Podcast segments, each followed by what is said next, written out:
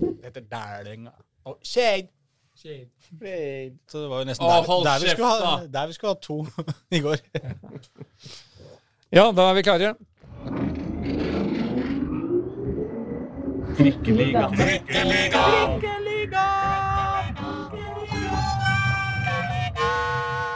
Mine damer og herrer og andre, velkommen til Trikkeligaen, Dagsavisens eminente podkast om Oslo-fotballen, hvor det alltid er godt humør uansett åssen det går. Er ikke det, Håkon Thon? Eh, jo, det var jo litt dårlig stemning sånn rett før vi starta her, men nå er det god stemning Ja, Det er fordi dere greier aldri å holde kjeft. Nei, nei. Altså, Det er jo en podkast. Det er jo ikke noe vits å holde kjeft på en podkast. Og der har vi også deg, Pål Karstensen. Velkommen hit eh, til oss. Har du det flott? Takk skal du ha, Aslak Borger. Det er hyggelig å ønske folk som jobber i avisa, velkommen. Velkommen, men, eh, velkommen til oss. Jeg føler at uh, podkaststudio er min lille hule, vet du. Ja, og du skulle jo egentlig på en måte si velkommen til oss i dag, uten at du fikk gjort det, men vi skal snakke om det senere. Ikke sant? eh, Men uh, hei til Reidar Solli også. Hei, hei. Vi avslutta jo, mener jeg husker, da da jeg forlot forrige eh, episode. Ja, For da skulle jeg på, opp på landslagstropputtak. absolutt. Og få Ståle Solbakken ta ut Osame Sar- Sarawi i den troppen. Ja, det fikser det, du lett. det fikser jeg lett. Ja. Så da kom jeg rett fra han nå.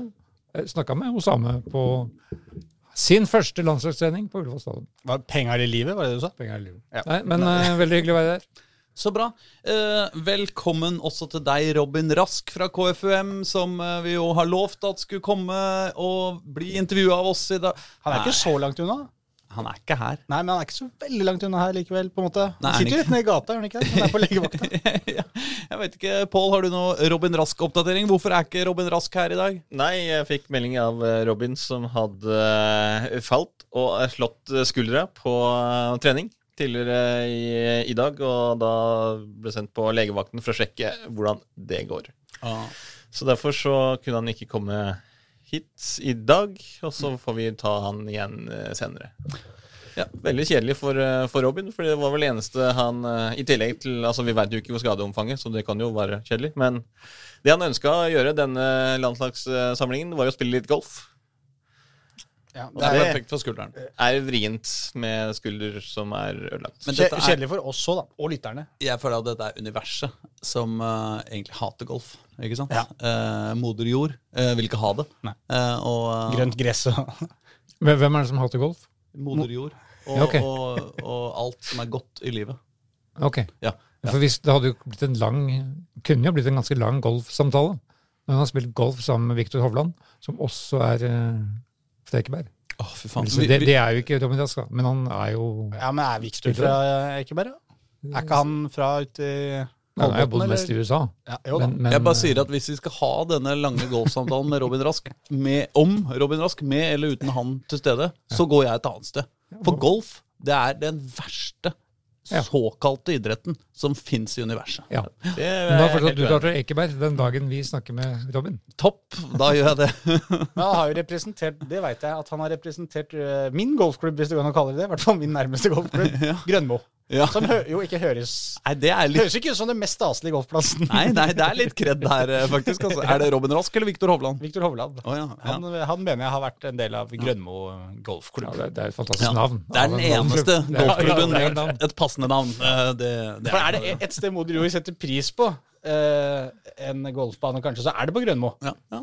Eller nei, vi trenger de søppelplassene egentlig. Ja, vi, vi gjør det, Det men eh, vi har begynt å brenne den søpla, og så skal vi ha karbonlagring og alt mulig sånne greier. Hvis du skal ha den samtalen om karbonlagring og sånt nå, så går jeg et annet sted. Å, bra! Da er vi på lag. Da drar du til Kjelsås. Ja, jeg. da drar jeg til Kjelsås. Eh, eh, Det har vært en livatt uke i Oslo-fotballen eh, denne uka. Vil jeg insistere på det. Vi har f.eks. fått nyheten om at Erik Espeseth eh, slutter som daglig leder i Vålerenga Fotball AS. Ja, etter sesongen, vel? Etter sesongen, men ja. likevel. Det er jo en, eh, ikke en nyhet som når uh, de fleste akkurat når jeg sier det nå. Nei, nei. Uh, men det er jo likevel noe som uh, Det har på en måte vært sommerens heteste potet. Ja. Eh, så den er jo da avklart. Jeg må bare eh, faktisk gjøre en liten korrigering. eh, I forbindelse med ikke akkurat SPZ, men vi hadde en prat eh, forrige, forrige sending hvor jeg kom til å si, i et svakt øyeblikk, at Vålerenga eh, fotball, eh, nei, altså Vålinga, eh, klubben eh, hadde gjeld til Vålerenga AS. Um, Ja. Og det viser seg ikke å være helt presist. Uh, det heter ikke gjeld, det heter fordring.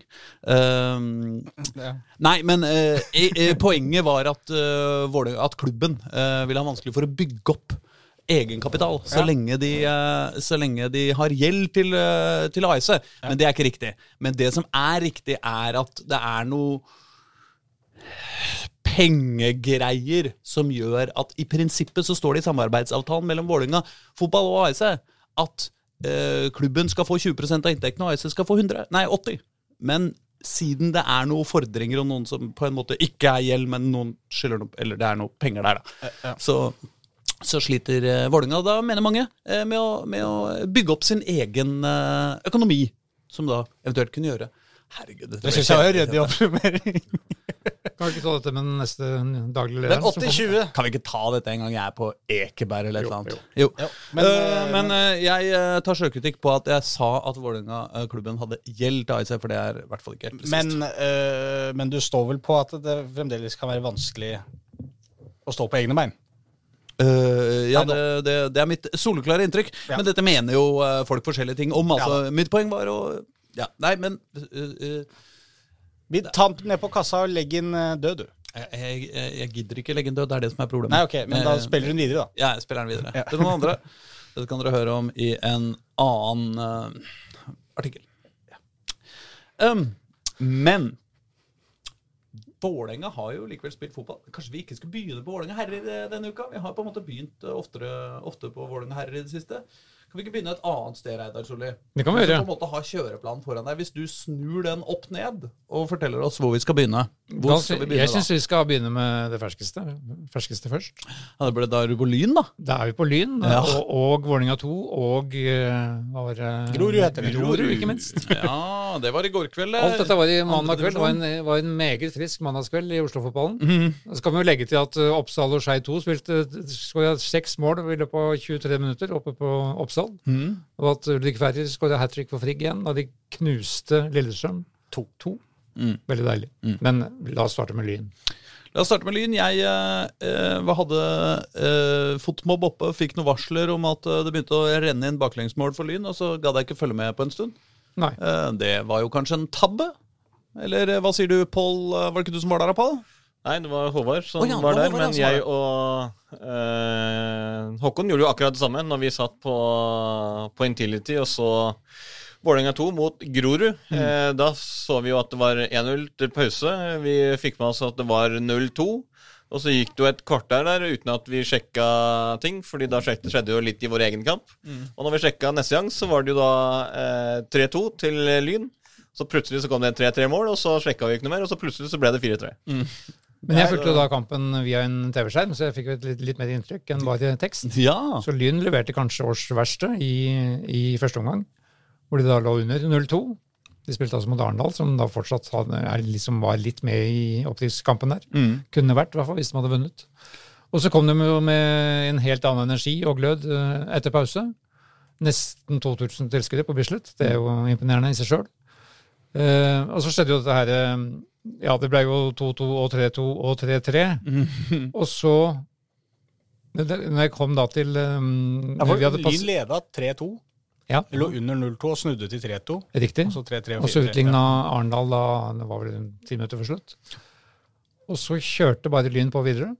Det, er, det, det var ingen av disse lagene som var fornøyd med tre mål. De skulle ha mer. Da hadde jeg en sånn merkelig følelse. og så når det passerte 90 minutter, så var jeg helt sikker på at dette kommer til Lyn til å skåre igjen. Mm. For de kom, de kom i bølge på bølge. Og så når da Henrik Elve- Elvevold fikk ballen etter 94 minutter da og passerte midtstreken, så var det bare å lene seg tilbake. Dette blir mål. Ja. Og sånn det sier han i hvert fall til oss. Han kjente nesten sjøl. Han vurderte å spille ballen til høyre, men tenkte nei, her bare går jeg rett fram og skyter rett i mål. Det høres veldig enkelt ut. Det er like greit å gjøre det på den måten. Jeg, sy- jeg syns det. Ja, han hadde vel eh, han, Det er jo bare et par uker siden, vel. Han eh, gjorde nesten akkurat det samme, eller ikke samme type mål, kanskje, men, eh, men skåra på overtid mot Vålerenga 2. Ja. Har vi jo den kampen, og dette er jo gjengangeren for Lyn. De har jo gjort det i fem kamper på rad nå, skåra på tampen og vunnet. ja. Så Elleve strake seire. For Elvevold. Og så er det, og så syns jeg det er litt fascinerende med Jan Halvor Halvorsen, sånn kampledelse. Eh, jeg påpekte det vel da de spilte mot Egersund, som var vel den første kampen etter pausen der, ja? Var det ikke det? Jo. Jo. Da gjorde han vel eh, Ja, da gjorde han ett bytte på tampen. Det snakka vi litt om da. Og tenkte at det var litt rart, for de skulle møte Kjelsås bare noen dager etterpå. ikke sant? Så kanskje burde bytta flere, men så vinner de den på Kjelsås også. Og den kampen her, så gjør han eh, Her gjør han fire bytter. Og Ja. to av dem scorer. Ja, og så Og det er, jo- det er liksom litt Det er, sånn, det det er noe eh, litt sånn der godt og gammelt og klassisk over Jan Halvor Halvorsen på mange vis, men litt det her også, for jeg føler det er så blitt så vanlig nå når man kan bytte fem, at alle trenere bytter fem i løpet av matchen. Altså, Noen lag mister mye når de gjør det, på en måte, men man gjør det likevel. Det virker som det er litt sånn bare, Det er viktig å få på friske bein, er på en måte hele tida tanken. Mens Jan Halvor han står, han står med laget hvis han er fornøyd med laget. Han, han leser laget sitt på en så god måte, virker det som. da. Den kampen her, som du sier, Eida, hvis det var årsverst omtrent i første omgang, så er det jo da ikke sant, naturlig. Alle trenere ville jo sikkert bytta da også, men hadde han sett ting i den kampen eh, som han følte at han kunne bygd videre på, så hadde han nok ikke gjort de byttene, men han gjør Her følte han at det var på sin plass med fire bytter, og får full valuta for det. For Ibba Ja, også skårer jo, jo- ja, han kommer fra benken og skårer. Gjør trippelbytte etter 57 minutter der. Eh, Da setter han inn Henrik Elvevold og, og Iba Lajab. Pluss da Rasmus eh, Isegran. Og Elvold Elvevold eh, avgjør jo kampen på overtid, og Ibar Lajab skårer jo. Så går det jo bare tre minutter fra det trippelbyttet til de skårer det første målet, til eh, Solberg Nilsen. Så det, det er jo Altså, ikke bare han, får jo da eh, uttelling med en gang, og i tillegg så skårer jo to av tre spillere som han setter inn på. Så det er jo, som du sier, altså Det er klart, du, du trener er et lag som Coaching i verdensklasse, som vi jo vel kalt, kunne kalt det. Ja. Iba, Iba, som vi behørig har omtalt her tidligere, han hadde vel også vært målgivende på den siste. Match, Matchvinnerskåringa. Ja, Ibba savner Vålerenga så mye at han vil ha Lyn opp så fort som mulig. Så han får Nei, men altså, er det en fare her for, for Lyn, da?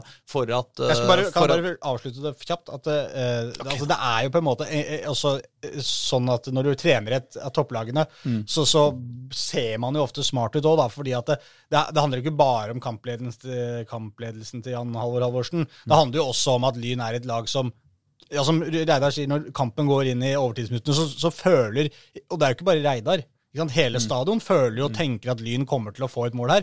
Og da skjønner du at spillere tenker jo det samme, de også. og Da kommer jo ofte det målet, så, så det har jo litt med det å gjøre òg. Men, men allikevel så lar jeg meg liksom fascinere av kampledelsen til eh, Jan Halvor Halvorsen. Han, eh, han veit hva han driver med. Tror ikke minst Arendal. Regner med at her kom det et mål til. Ja, det er veldig Ja, mye ja de òg, selvfølgelig. Men jeg, jeg tror på en måte at Lyn tenker det i enda større grad enn Arendal. fordi Arendal tror jeg liksom Ja. er midt oppi det. Liksom, de, har, de har sin historikk, på en måte. Jeg tror ikke de flyr rundt og tenker på at Lyn er et lag som ofte uh, scorer på slutten. Jeg, de tenkte nok bare at her var et voldsomt trøkk, og her må vi stå imot, og dette blir vanskelig. Ja, det kan nok hende de tenkte det, men det handler jo mest om hva du selv tenker.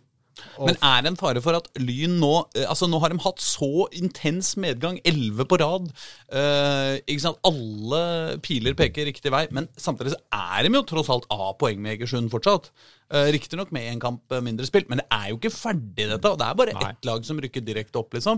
Eh, det, det, Nei, det er fullt mulig å de, snuble. skal jobbe, de skal jobbe fryktelig hardt i de ti neste Eller ni neste, neste kampene for å for å, for å rykke opp fortsatt. Ja da, og den neste blir kanskje den tøffeste. Altså Grorud på bortebane. Grorud er vel eneste, et av de få lag, eneste laget som er vunnet på Bislett i år. Har slått dem der, og de skal da møte dem borte da, lørdag, neste lørdag, 16.9. Og så har de med en bortekamp mot Brattvåg, som er en sånn snøblefelle som de sleit veldig med på Bislett her. Ja, det er vel Nylig. en Nei, hvem er det er jo det er den utsatte kampen. ja, det er. Lyn du er på nå, ja. For det er Ja. jo den utsatte. Ja. Så, men det, det som er med Altså, det er jo på ingen måte avgjort, her. Altså, jeg har jo allerede sagt at jeg mener at jeg tror at begge lagene rykker opp uansett. Eh, Altså om de da eh, Altså det laget som rykker direkte opp, men også det laget som kommer på kvalik. Fordi jeg synes eh, altså begge de to lagene her viser større kvalitet enn enn i den andre eh, pulja. Så kommer det selvfølgelig litt an på hvem som kommer på kvalikplassen i, i Obos-ligaen, men så, du, du har jo lag der som, som Hødd, Åsane eh, sant? Mjøndalen Ja. ligger vel der nå. Ja. Uh, Mjøndalen ligger jo under eh, streken. Uh, Jerv har jo blanda seg ned der. Uh, og da er det liksom Ingen av de lagene der er heller så jævlig mye bedre enn uh, enn verken Lyn eller Egersund. Så jeg tror liksom at begge lagene har gode muligheter til å rykke opp. Ja, men jeg tror Lyn har bedre, jeg tror Lyn faktisk har en bedre mulighet i en kvalik enn Egersund. Det tror jeg også. Egersund har en litt sånn en, Det er noe med historien dem som ja, tynger dem litt En egen måte til å altså, Og, og får du snuble og rote det litt. til. Ja, og Får du Åsane eller Mjøndalen i den kvaliken der jeg Kan godt si at de ikke har vært så gode der, men Åsane har jo vært litt på gang nå den siste tida. Hvis de på en måte klarer å fullføre med en viss stil. Og Mjøndalen er liksom seige uansett, så det, det blir tøft for dem som blir nummer to der. Altså. Men, eh, men eh, ja, jeg tror Lyn har bedre sjanse på den enn Egersund. Men eh, Så er det, det er noe med den mentaliteten som ligger i det Lyn-laget nå. Både med at du da har vunnet elleve kamper på rad, selvfølgelig, men, men spesielt den mentaliteten at du eh, du, du veit at du vil få sjansen, du veit at du kommer til å skåre. Det, det er liksom, selv om du låner 0-2 der, så har vi tenkt liksom, ja, kanskje det kommer nå, tapet. At de liksom ikke greier å produsere de prestasjonene hele tiden. Fordi eh, det gjorde du mot Brattvåg i forrige EM-kamp, så var det jo kanskje årets dårligste prestasjon. Men de greier å finne en måte å vinne på.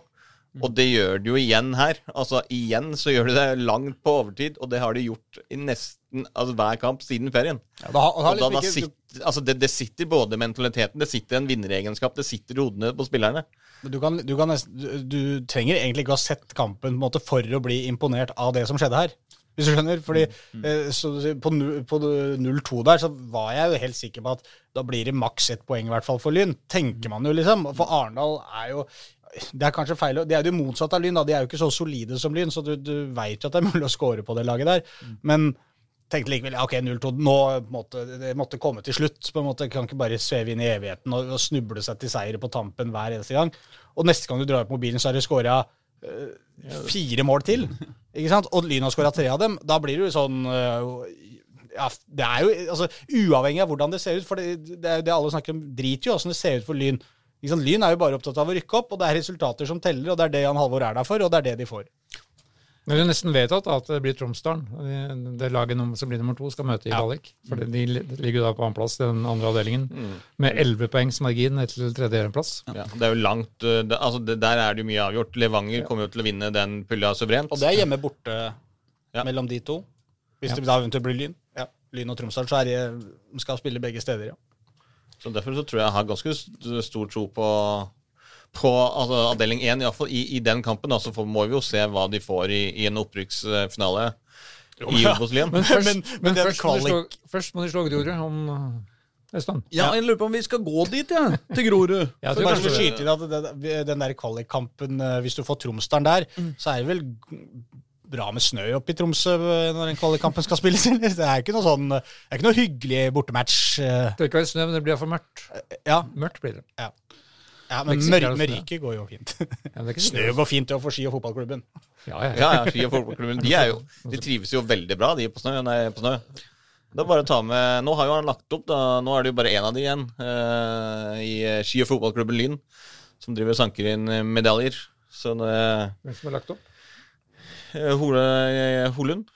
Hans Christer Holund. Ja, det, vi var på langrenn, ja. det er jo ski- og ikke. Holund er lagt opp. Så da er det ja, kriger, da. Men da er det kanskje på tide å gå til Intility, eller? Hvis har vi er vært innom både tennis og langrenn. Golf. Og golf. Ja. Ja, ja.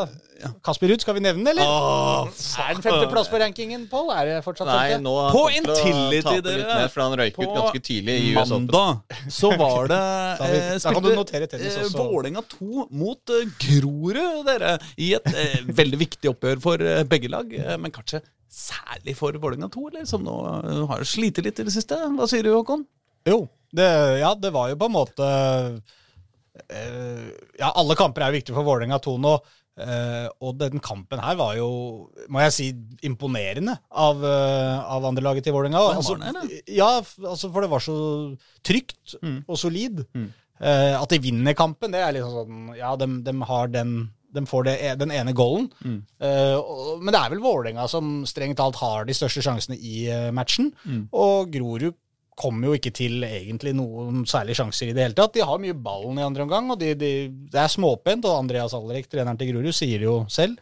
At det er eh, Vi triller mye ball, og det ser kanskje pent ut, men det er litt for lite effektivt. og og var egentlig litt frustrert eh, på tampen her, og at ikke de klarte å få noe ordentlig trøkk heller på, på slutten. da. Mm. For kampen blå, liksom, du satt jo, Vi satt jo ikke sammen på tampen av matchen, der, Paul, men man satt med en sånn følelse av at når skal det liksom Grorud våkne her? Når kommer kjøret? Når, når skal de liksom la Vålerenga-forsvaret svette? Og det, det skjedde. Kamp, plutselig var liksom bare kampen over. Siden den var lagt i fem minutter, så satt du liksom ikke med den der overtidsfølelsen.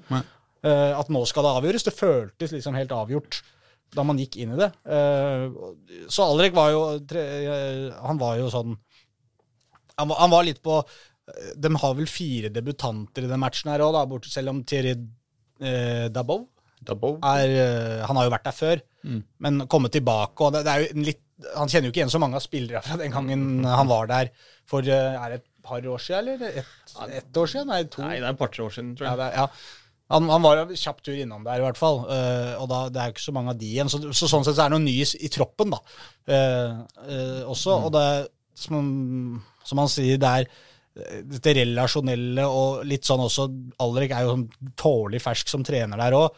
Å få inn sine tanker og, og, og at spillere skal skjønne hvor lista ligger for å spille under han. Da. Han var litt på det at, at hvis folk ikke løper hjemover, altså returløp og disse tinga her, så sa han det holder hvis du ikke gjør det én eller to ganger for meg, da bytter jeg deg ut, på en måte. Og det tror jeg ikke helt spillere har skjønt ennå, men det er liksom den eh, de, de kravene og den kulturen han er i ferd med å bygge der, da. Og så er det mye nytt, og det er litt sånn eh, Ja, det, det, det virker som de er litt sånn i forskningsfasen nå, for å prøve å finne den ultimate miksturen som skal liksom, sende dem oppover på tabellen neste sesong. Og her mot Vålerenga 2, som stiller ikke sesongbeste, men, men et ganske bra lag, og igjen et ganske bra forsvar.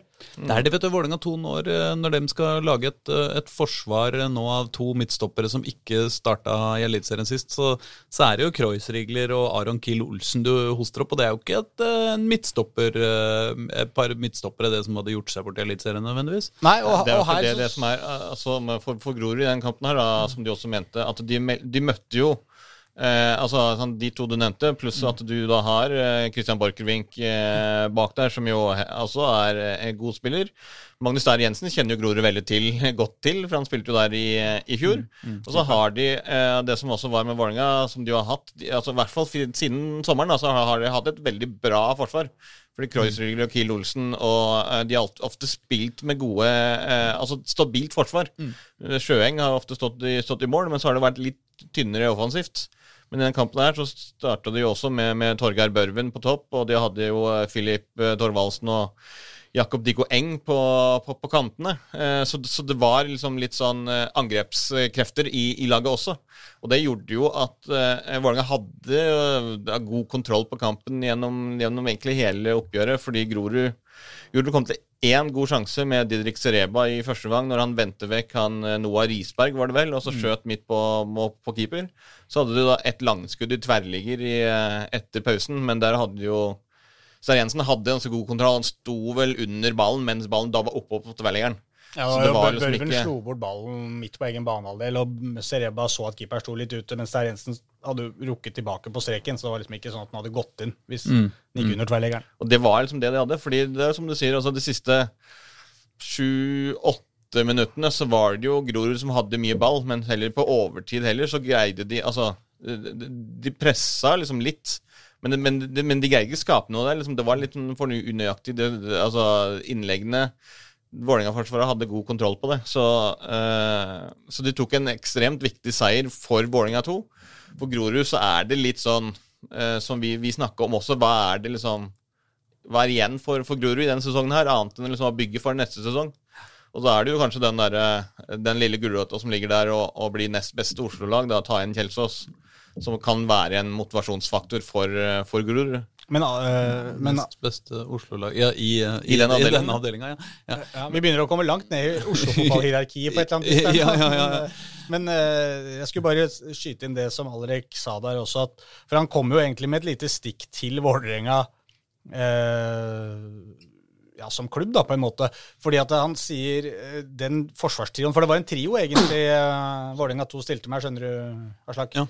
Eh, Det var Kiel Olsen og Kreuzrigler, men også Noah Risberg. Så det var egentlig en trebekslinje der med litt wingback-typer med Dale Borchgrevink og ja. Hvem var på andre? Var det Det var Bjurstrøm. Ja. Så var det Thorvaldsen ved siden av der, og Dikko foran, ja. Riktig. Uh, han, uh, han, uh, han sa jo at den, den forsvarstrioen da, med Kiel Olsen, Kreuzrigler og Risberg, det er jo en forsvarstrio som eh, flere eliteserielag kunne stilt med i en eliteseriekamp, Ja, ja. mente han. Ja, ja. Og, og la eh, attpåtil da at han syntes det var egentlig katastrofalt at ikke Kiel Olsen har spilt for A-laget til Vålerenga av denne sesongen. Eh, og det har vel Ikke, Ikke fra start, i hvert fall. nei, og ikke som stopper. Nei, han kom han inn som jo- spiss. Ja. Han kom inn som spiss et par ganger, og noen uh, Han, han kom Korte. jo inn nå sist mot Viking, og det er ikke godt å si hvilken posisjon han kom inn på. For han kom jo inn på et defensivt frispark på det 96. minutt, eller noe sånt. Så de rakk jo aldri å komme seg ut av en situasjon, så det er ikke godt å si hvor han ble satt inn. Nei, men, Men, han, eh, eh, men kan jeg bare stille ett uh, ekstraspørsmål knytta til uh, Vålerengas lag? Ja. Uh, hvor var Magnus Sjøeng egentlig? Jeg ser de stilte med Ulrik Strøm. Eh, han er vel tolv år eller noe sånt. Eh, nei da, han er 2007-modell Ja. eh, på, på keeperplassen. Men, da, da Men, men det var morsomt, apropos tolv år. Han, eh, hva het han, Ola Rye, han eh, Ja. som debuterte fra start for Grorud her. Ola Rye. Han, han sa aldri ikke at Han har jo ikke spilt Han var vel på venstrebekken han spilte, ja. Han sa han har jo ikke spilt der siden han var tolv år. Nei. Så det var ikke bare at han var ny sånn sett i, eh, i Grorud. Han var litt sånn Det var lenge siden han hadde spilt den posisjonen også, men han syntes han klarte seg bra. Men hvor Sjøeng er, Nei. eh, keine ahnung. Annet spørsmål, Hva skjer med han som kunne, og mange håpa skulle bli årets Vålerenga snakkes? Omar Bulli? Han burde jo spilt denne matchen her. Han Nei, er vel skada. skadet igjen. Han er fortsatt skada. Han ble jo skada her i ja, Det er ikke mange kamper siden. Han måtte gå av, eh, ta seg bak på, på lysken igjen. Så, så han, eh, han er vel slitt vel med mye av det, det samme. Men vi, vi har vel ennå ikke nevnt uh, målet, og det kan vi jo uh, sveipe innom. eh, Adrian Kurd Rønning, som eh, igjen eh, Det var jo Målet kom jo først etter en eh, altså feilpassing fra Vegard Storsve i Grorud-buret, som prøvde å spille opp i, til sin egen midtbanespiller. Eh, det lyktes han jo ikke med, fordi den ballen gikk jo rett til Filip Thorvaldsen, som spilte jo da opp Adrian Kurd Rønning. Så gikk jo da, eh, etter han slo den pasningen, Thorvaldsen gikk opp og løp inn i 16-meteren, og så chippa bare Kurd Rønning ballen over Groruds forsvar. Så tok eh, Thorvaldsen tok ett touch, så banka han ned i hjørnet. Men, eh, Kjempe, kjempefin scoring av, uh, av Vålerenga. Men hva liksom kommer av viktighet av denne her for Vålerenga 2, så er den jo Det er nesten ubeskrivelig hvor viktig den er. Fordi jeg før kamp, denne kampen her kikka på tabellen og tenkte litt sånn Jeg har den der, eh, Aslak. Ja, de er på, eh, Nå er Vålerenga 2 på 19, eh, 19 poeng, og det er jo på nedrykk, men de er jo A-poeng med både Fram og Treff som ligger foran. Ja, og som du, sant, som du ser, Fløy etter sommerpausen nå, dem har mm. begynt å ta litt poeng. Eh, Brattvåg, som ligger bak dem der, ha, har sett ganske mye bedre ut. eh, eller de har de, De, holdt på å vinne mot Lyn, i hvert fall. Ja, ja, og de, har, de de slo jo Arendal, Arendal, eh, og, og de har på en måte, om ikke sett bedre ut, så har de i hvert fall fått mer ut av det gode spillet de har hatt. Ja. Og eh, ja, Fram også. Sånn, ja, de tar litt poeng her og der. Treff har ikke vært helt eh, store, men på en måte, Vålerenga skal forbi noen av disse her. Og, og en trepoenger, eh, riktignok med et ganske bra lag, men likevel et lag du ikke tenkte sånn "Ja, her er det skandale hvis ikke Det var ikke sånn her setter vi alle kluter til for å ta tre poeng. Så dette var en sinnssykt bra gjennomført eh, kamp av, uh, av Vålerenga 2. Og da kunne på en måte ikke Grorud si så mye på det etterpå heller. De måtte bare erkjenne at dette Vålerenga 2-laget eh, har mye kvalitet. Og si, prøve, Man sier liksom at ja, de, de lå litt kompakt, og det, var, det er vanskelig å spille seg gjennom. Ja, det gjorde de eh, mot slutten av kampen. Men da skapte heller ikke Grorud noen ting, og det er vanskelig å skape noe på det. Men, men Vålerenga skapte jo flere gode muligheter i matchen her. Og Borchgrevink hadde jo annet en, eh, en Nest- mulighet som var nesten reprise. Nesten helt det identisk i som det målet han skårte mot, mot, mot Viking når ballen kom trillende ut der. Eh, skal jo også sies at eh, Vålerenga 2 burde jo spilt med én mann mer eh, i 60 minutter.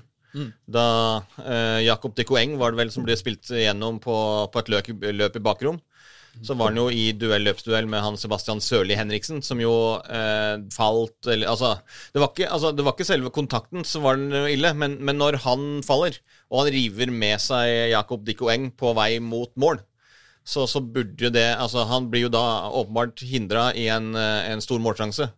Og da burde han vært, eh, vært utvist. Men eh, dommer der valgte å ikke foreta seg noe, som var jo da store protester. og og Vålerenga-trener Øyvind Sand, nei, Øystein Sanden eh, pådro seg jo gult kort i, i den situasjonen. Eh, og det ville jo absolutt gjort situasjonen en, også en helt annen. Så, så Vålerenga var det klart beste laget og fortjente alle tre poengene her. eh.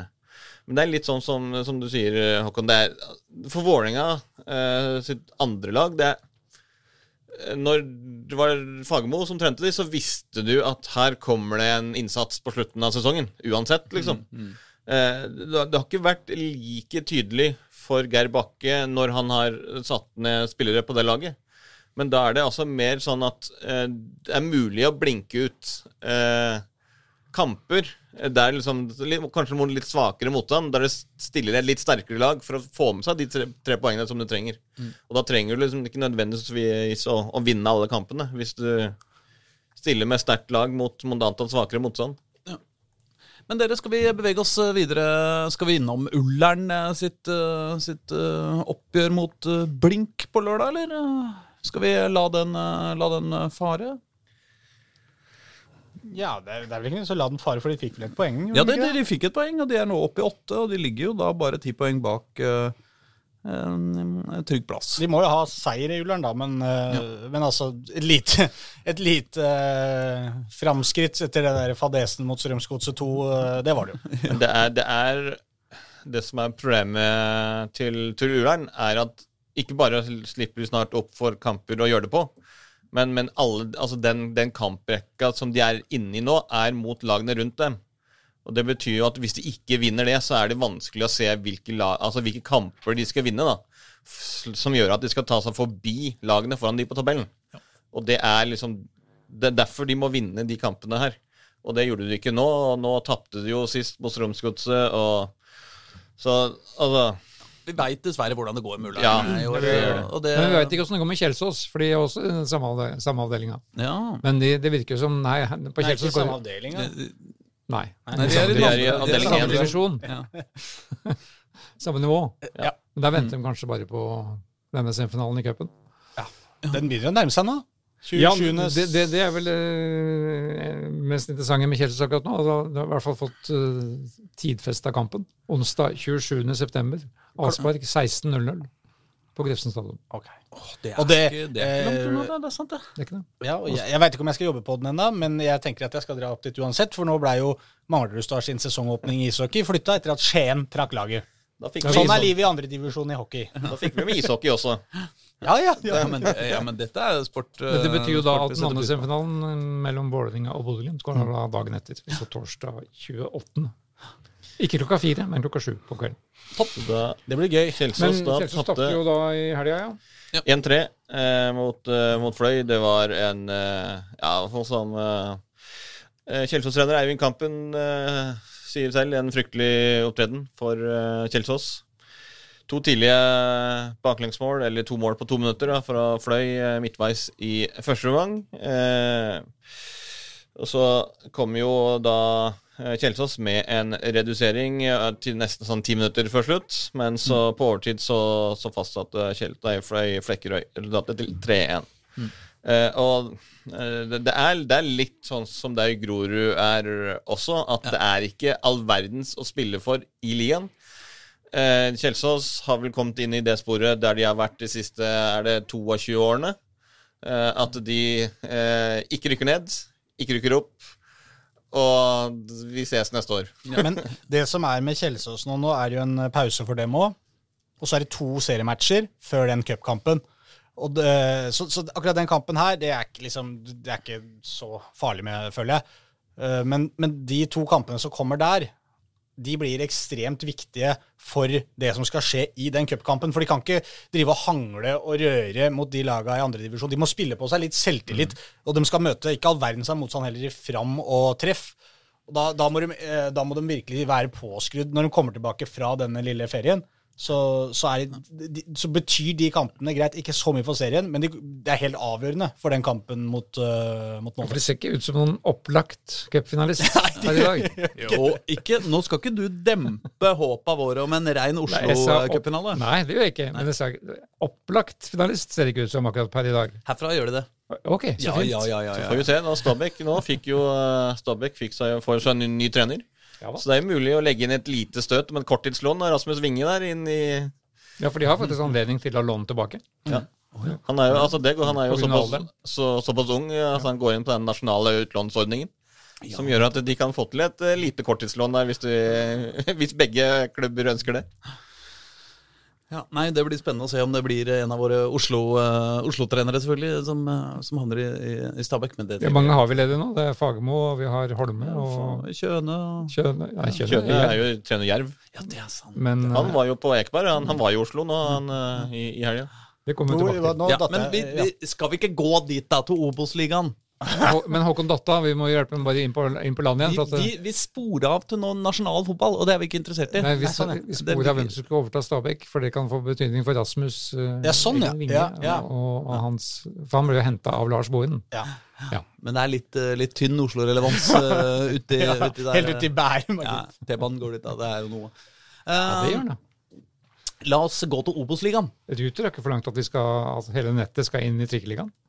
Jeg har ikke fått jo noen melding fra dem ennå. Det er jo Det er ikke, ikke det er ikke er tunnelbaneligaen. Dessuten så forholder ikke vi Nei, det går oss trikk ut eh, vi, vi, vi forholder oss dessuten ikke til Ruter, bare til Oslo Sporveier. Ja, ok. Ja. Ja, det, det var godt å høre. Av rein, av rein skinnsjåvinisme. Um, Hvor var vi? på På vei oppover i divisjonene som Lyn. Ja, det, det, nå, på vei oppover i divisjonene. Eh, Yes. Og jeg og Håkon hadde jo en felles uh, hyggelig opplevelse da på Ja, hyggelig, altså av litt av vær og hyggelig atmosfære, kan man vel si. Ja, hyggelig folk. Vi var på Skeid Åsane da fredag kveld, Ja, nettopp. Det var på fredagen, ja. på Nordre Åsen. Ja, ja det starta jo der denne helga. Jeg skjønner ikke hvorfor den var plukka ut som en fredags TV-kamp for TV 2, men det vet jeg kanskje du. Nei, det var vel fordi jeg skulle kommentere den, sikkert. Ja, det var antagelig. Ja. Det visste jeg at det, du må jo, ha jo, må jo ha litt tid for å reise til Bergen, var det ikke det du skulle Jeg kommentere? irriterer meg litt over det hver gang jeg skal Det er vel tredje match jeg kommenterer der. Hver gang jeg kommer opp dit, så er det strålende solskinn, og det er altså 400 000 grader inni den der kommentator... Det er jo en glassboks ikke sant, som du sitter inni og får sola rett inn. Driver, skal det. Ja, det er så varmt inni der. Ja, Altså, Jeg håper alltid at det skal regne når jeg kommer opp og skal kommentere der, men det gjør det ikke. Det er Det, det håper jo. Skeid litt også, for de Ja, har jo vi bygd, det taket Ja. sitt. Ja. de har jo brukt masse penger på å brygge den nye Men tribunen. kampen var jo uh, mot Åsane var vel mer av det samme, var det ikke det? Det var vel akkurat det samme. Ja. Så det er ikke så mye å si. De tapte- tapte 1-3. Det var jo eh, Ja, Styrer, styrer mot nedrykk. Eh, Detaljene får du uttale, for du kommenterte det jo. Ja, jeg, men jeg satt jo her eh, da vi diskuterte dette her før, eller altså i forrige podkast. Så var jo jeg veldig optimistisk og kikka på terminlister og, og ga, hadde ikke gitt opp noe håp. Men jeg sa vel også da, som Arne Erlandsen også sa da jeg snakka med før kampen, at jeg spurte han egentlig bare rett ut er dette kampen Skeid må vinne. Og da sa han ja. Uh, og da jeg snakka med ham etter kampen og sa dette var kampen du måtte vinne, hva sier man nå, liksom? Så måtte han jo bare prøve å forklare at man har, det er kamper igjen, og det er liksom et håp. Men, men dette var på en måte den definitive kroken på døra for eh, Hvor kommer det uttrykket fra, egentlig? Kroken på døra? Da er det stengt? Ja. Ja, det er Last på chance. Det er dassen stengt, og Ja, ikke er ikke mulig å åpne. Nei, nei, det går jo an å ja, Men det er noen utedoer som har lås på begge sider, vet du. Så jeg har låst faren min inne på en utedo Men hvis det er låst på innsida, så er det vanskelig å Men ta, han sitter ta ikke den der ennå, liksom. Nei, men jeg satt der til eh, middagen begynte to timer seinere. Da lurte på hvordan han ble. For du låste fra utsida, ja. Jeg løste fra ja. Jeg hørte skumle lyder der inne, så jeg, Ja. ti år gamle meg låste og løp. Å, det er godt. eh, Det er både godt tenkt og god radio, Håkon. Håkon. Han fikk svi for at han lagde sånne ulelyder eh, oppå fjellet der. Det, Ja, Nei, men tilbake til Arne Erlandsen. da. Han, han, var, jo- han, han er jo en det- det- t- tapper mann, han, som skal ta seg ut av laget. Han som han sa til, til meg etterpå, det var jo var ikke så mye som er nytt nå, siden han overtok første match. De taper og taper og, og, og ligger sist. Og som sa, han, han prøver bare å få litt, uh, litt optimisme inn i dette laget, litt framgang. At de merker framgang. Ja. At de prøver å spille litt mer direkte enn de har gjort før. De lagde iallfall et fint mål, som var det første målet han fikk se, Skeid skåre, under Ja. hans ledelse. Um, etter et veldig flott angrep. Men, uh, men de holder jo ikke nivået. Det er det som er problemet. Og, de har ikke de har rett og slett ikke takla, takla um, frafallet av Fredrik Bergli, tenker jeg, i forsvaret der. Nei, det, har, det har de alltid Napoleon løst. Romsås heller offensivt i, i banen. Ja. Men da, jeg hørte jo litt da du snakka med Arne etter kampen, og, og han snakka jo på en måte varmt om prestasjonen i denne matchen her. Men hvis du ser på en måte denne kampen her målt opp mot den første han hadde hjemme mot Ranheim, så var det jo ikke noe sånn at dette er, altså Ranheim er jo et bedre lag enn Åsane. og jeg, Den var jo vel så nære egentlig mot Ranheim som det var mot Åsane. Så- man, ja. Så, så sånn egentlig Hvor mye framgang det har vært, eh, det veit jeg ikke. For dette var på en måte Når du taper med to mål hjemme mot laget du må slå, så er det liksom Det blir for Det skjønner sikkert Arne Erlandsen nå, at det, det er for tynt, på en måte. Men ja. noe må han jo si, da. Ja. Han kan jo ikke si at eh, dette er kjørt. Selv om han også skjønner uh, fotball. Jeg gjetter på, jeg gjetter på at Arne Erlandsen skjønner fotball, det, det Det er oppsummerer jeg. Jeg gjetter på at de er godt i gang med å tenke um, 2024 og uh, hvordan At de skal ansette og- Gard Holme da, for å trene det opp igjen. En perfekt mann for at de skal ha i andre divisjon. Utvikle en Ja, seg spillersal Han er ansatt bare ut sesongen, han. Ja. Men Men- heldigvis så har vi et annet lag i Obos-ligaen. Heldigvis. Ja. Kanskje ikke så lenge. Kjedelig. Nei, eh, nei det, det er ikke godt å si. Eh, For, eh, for det var betraktelig artigere på, på Ekeberg. Det var det. Ja, betraktelig. Ja. Med mange mål morsommere. Ja, ja, ja, ja jo, så riktig vei, da. Ja. Var, var, hadde vi, var, var, det noen Var vi der? som var på, på, Jeg var på plass. Pål Pål var på plass og fikk se en, jeg så kampen også på TV. Dette var jo dette var god underholdning. Ja, det var eh, hyggelig, det. Det var jo også et hyggelig gjensyn med Havna under umiddelbart og fikk slite nok en gang. Eirik eh, Kjønø, som jo kom eh, tilbake igjen til hovedstaden. Vår gamle venn fra Trikkelian. Han fikk jo en god start på kampen da Samuel Lopez Pedro tok sin tok fram sin indre Robin Rask og satte inn et frispark fra 25 meters hold, cirka. Eh, Emil Ødegaard uh, forventa åpenbart eh, eh, innlegg. Han sto helt på andre siden. Altså, på, altså helt, helt på bakerste stolpe. Og da når han eh, Samuel Pedro da bare bøyde den over muren og i motsatt hjørne, så rak den ikke bort. Du blir jo knallhardt straffa på Ekeberg hvis du kjører Robin Rask-varianter mot Koffa. Ja, det går ikke. Da, da, da vekker du villedyret. Det er, Ja. det er som i hockey, og hvis du pirker litt for mye på keeper, liksom. Ja, da- ja. Da er det, da blir du Da er det nok. Ja, da får du det. Rask hadde vel tre målgivende senere i kampen, så han tok vel, eh, tok vel Det igjen. Uh, nei, altså det var jo det som var, er at uh, i første omgang da, så, så uh, Koffa hadde jo mye ball, men greide liksom ikke å få noe spesielt ut av det. Det gikk litt seigt, det gikk litt treigt, det var det gikk ja, litt for mange touch. Eh, så, og så bomma de jo da på de, de mulighetene de fikk. Eh, de fikk jo en, de fikk utligningen med Akinshola Akinyemi, som jo da eh, ja, Det var det var litt sånn spørsmål om, om offside. Det så ut som det var, på, på TV-bildene i hvert fall, at det var en eh, en Koffa-spiller som dro med seg en av de altså Jerv-spillerne, slik at han var akkurat på, på, på linja. Men uh, Akinyemi utligna i hvert fall på, på en heading fra stoppermakker eh, eh, Momo Lion, som han jo da hælsparka i mål, siden han hadde trent, som han sa etter eh, kamp. Han har jo trent så mye med Johannes Núñez og de andre teknikerne i laget, så nå måtte han også prøve seg i kamp. Og det fungerte bra. Eh, et, men etter pause så var det bare ett lag på banen. Eh, eh, jeg snakket med KFA-trener Johannes Mosgaard, som sa i pausen at bare gutta altså Hvis vi bare setter opp farten her, gjør alt ett hakk raskere, så kommer de til å vinne. Og det var det de gjorde. Altså De skårte allerede etter eh, 16 sekunder eh, etter pause. Og da var det eh, det, det var liksom rett og slett det. De bare Én pasning opp, og det var vel Jeg husker ikke om det var Hestnes eller om det var Robin Rask, spilte gjennom Okeke. Som satte ballen, satte ballen i mål, eh, som var litt sånn spesielt, fordi når, når, altså når, når vi så det gjennomspillet, og vi så avslutningen, så var det to Jerv-spillere som var rett ved siden av ballen. Men de ble liksom ikke enige om hvem som skulle klarere ballen ut. Så i stedet for så lot de bare begge to bare ballen skli rett i mål. Eh, altså rett eh, to minutter etter, eller to-tre minutter etter det, så var jo Akanyemi opp igjen. Skårte på en eh, ny dødball. Eh, og så Johannes Núñez da skårte Koffas tredje mål på ti minutter. Og da var kampen i realiteten avgjort. Så ledet de 4-1, og så kom jo Moussa eh, Njay inn på, på slutten og kunne skåret seks, sju, åtte mål. Han fikk, altså, han fikk altså gedigne sjanser i hvert eneste angrep. Og det gjorde han jo med en gang han, eh, han kom inn. Så kunne han egentlig bare trilla ballen i åpent mål. Og Det valgte han da ikke gjøre. Han valgte å finte seg nedover mot, uh, mot dørlinja og fikk gult kort for filming. Som han jo da egentlig sa at det var ikke så mye for filming, det var for at han ikke valgte å score på åpent mål. Uh, og den, den tok han, liksom. Uh, altså, jeg, det, var bare, det var bare å trille den i åpent mål, og så valgte han å ikke gjøre det. Så skårte han to mål senere. Eh, og da ble han også tomålsskårer, og det ble jo Samuel Pedro også på overtid. Så tre tomålsskårere eh, der i en, eh, en kamp som Koffa hadde full kontroll på. Eh, det som vil være litt gøy, er jo at Akinshola Akinyemi, som skåret to mål, han fikk jo, har jo fått litt kjeft av trener Mosgaard i det siste. For han har kommet litt for mye for seint på trening. Og vært litt sånn Vært litt sløv. Så han fikk vel egentlig klar beskjed om at hvis du ikke leverer tidenes kamp mot Jerv, så kommer du til å sitte på benken.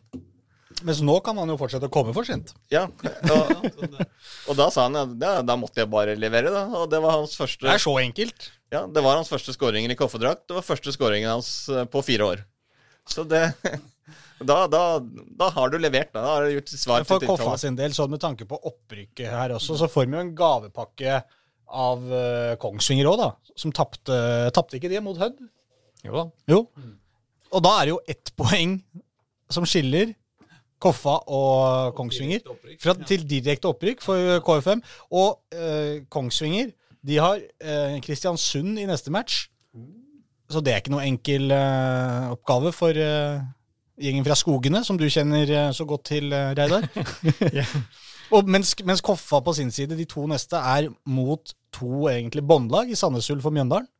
Og det er, bør være da seks poeng.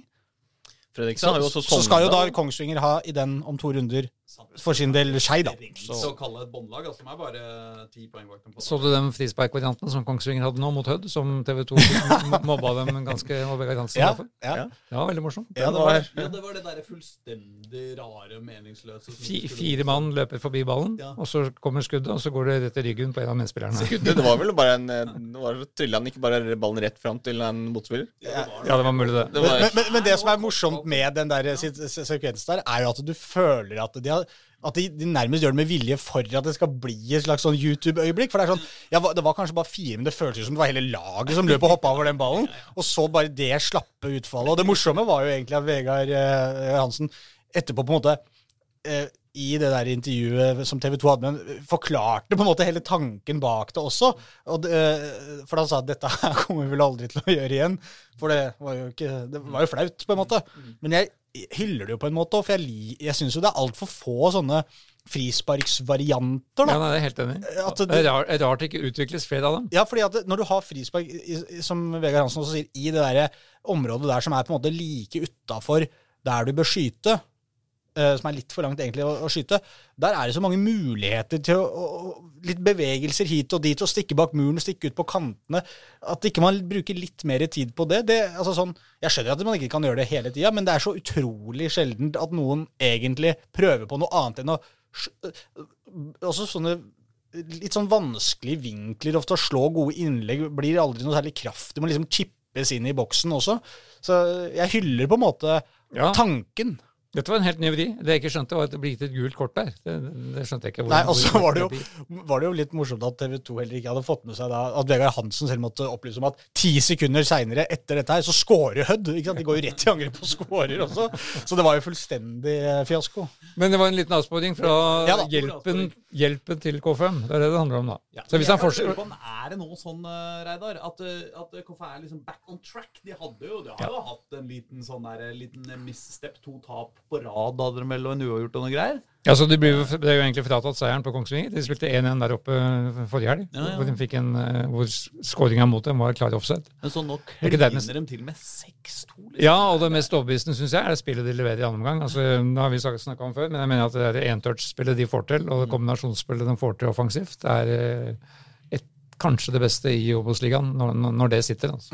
det, det det var jo også Johannes Mosgaard eh, veldig opptatt av, fordi de har de, altså, de, de har jo vært i en liten eh, litt sånn down-periode ja, med, med et par tap og uh, uavgjort. Og, og en prestasjon mot, mot Kongsvinger, som du sa, der de gjerne fortjente tre poeng, men ikke fikk med seg seier.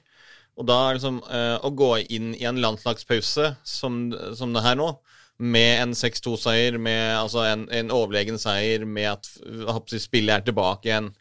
Litt ting eh, sitter. Eh, Moussa Njay tilbake fra skade, leverer eh, bedre og bedre.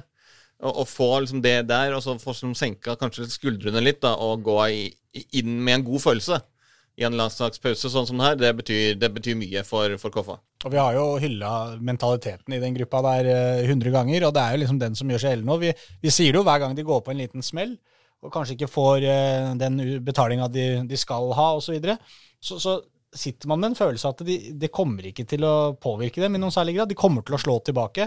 Og de, de gjør det sesong etter sesong, og de gjør det kamp etter kamp, og de gjør det selv om spillere forsvinner i, i stort monn derfra. Det er der det sitter i huet ofte. Da tror jeg vi skal bevege oss uh, helt opp i Eliteserien. jeg. Ja. Ja, Er ikke det, det det, greit, det, vi er med der Jo, det er stemmer det. der, Det du, stemmer og det. vi- Og vi, altså, Vålerenga taper jo aldri litt Altså bare, for, bare for å avslutte, K5, vi må jo da håpe at uh, dagens gjest, som har faktisk blitt skada, at, ikke- at ikke det fraværet blir for lenge. For, Nei, for det er ganske avhengig av uh, Robbie Rask på det laget der. Ja. Vi får sånn- håpe han er en, en pingle som bare egentlig fikk litt skrubbsår på skulderen. Ja, Eller vi vi får, satser på hå- det. vi får håpe at han egentlig bare er eh, ikke noe spesielt glad i formatet podkast. og at han bare har faka denne skaden for å slippe å komme hit. Så kan han dra ut og spille litt golf. Det fortjener han. Ja. Nei, det fortjener han ikke. Så Vi, Um, men hvis det er faktum, da kommer vi til å snike oss opp på Ekeberg litt sånn ut, uten forvarsel. Og bare kidnappe den og ta, plassere den i studio, for vi skal prate med den. det er i hvert fall veldig interessant om å kommer på trening i morgen, da, for å si det sånn. Det er nettopp det. Uh, Da tar vi det personlig. Eliteserien. Eliteserien. Vålerenga skulle spille kanskje en av de vanskeligste kampene denne sesongen, borte mot Viking. I et Viking som ikke hadde tapt på Som har vunnet Ti strake. ti strake. Og Vålerenga som jo uh, altså eh, jeg vant jo riktignok én kamp for et par-tre kamper siden borte mot uh, Strømsgodset. Godset. Men, uh, men det, har ikke, det har ikke vært noe sånn seiersrekke å snakke om. Nei. Men, eh, Men som jeg da skrev i mitt eh, smått geniale tippetips, som står på trykk hver eh, lørdag. Ja. Eh, for den sto jo på kupongen, denne kampen her. Hva tolleren? Var det, fikk du tolleren igjen, eller? Jeg fikk elveren. Elveren, ja. Men, ja. men det var jo fordi um, sånne seiersrekker som Viking har, de, det stopper jo. Al- Alle sånne stopper jo. ja, men spørsmålet er når. Ja, men det, sjansen øker jo statistisk for hver kamp at nå stopper det.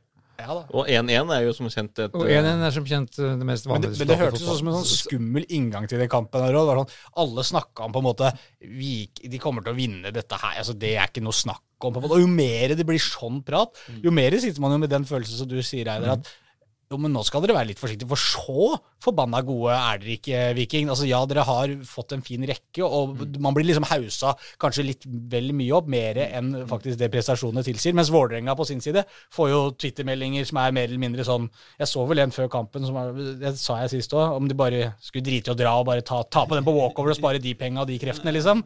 Og det var jo litt den inngangen, men ja, beklager jeg det. Men det er jo på en måte en vanskeligere kamp sånn der, eh, for å planlegge da, for Geir Bakke. liksom. Altså, fordi Når du reiser til Molde og Bodø, så veit du på en måte at her er det bare å parkere bussen. liksom. Ja, men det var jo det de gjorde nå også. Ja, Altså, men det skulle man jo ikke tro på en måte var like åpenbart. jo, for altså, når, du, eh, når du er møter det et vikinglag på andreplass i Lian som har vunnet ti strake på rad, så er det altså eh, for det, det, det som har vært veldig eh, bra å se, i hvert fall etter de første 25 minuttene borte mot Molde For da kunne jo Molde leda 5-0, eh, men etter at de la om der, og eh, både i den kampen mot Molde, men også nå mot, mot Viking Viking skapte ikke enorme sjanser. Altså, det var jo nesten sånn at eh, når han Andrej Ilic uh, bomma på åpent mål, at da var det, hadde vært fortjent om Vålerenga faktisk gikk opp i ledelsen.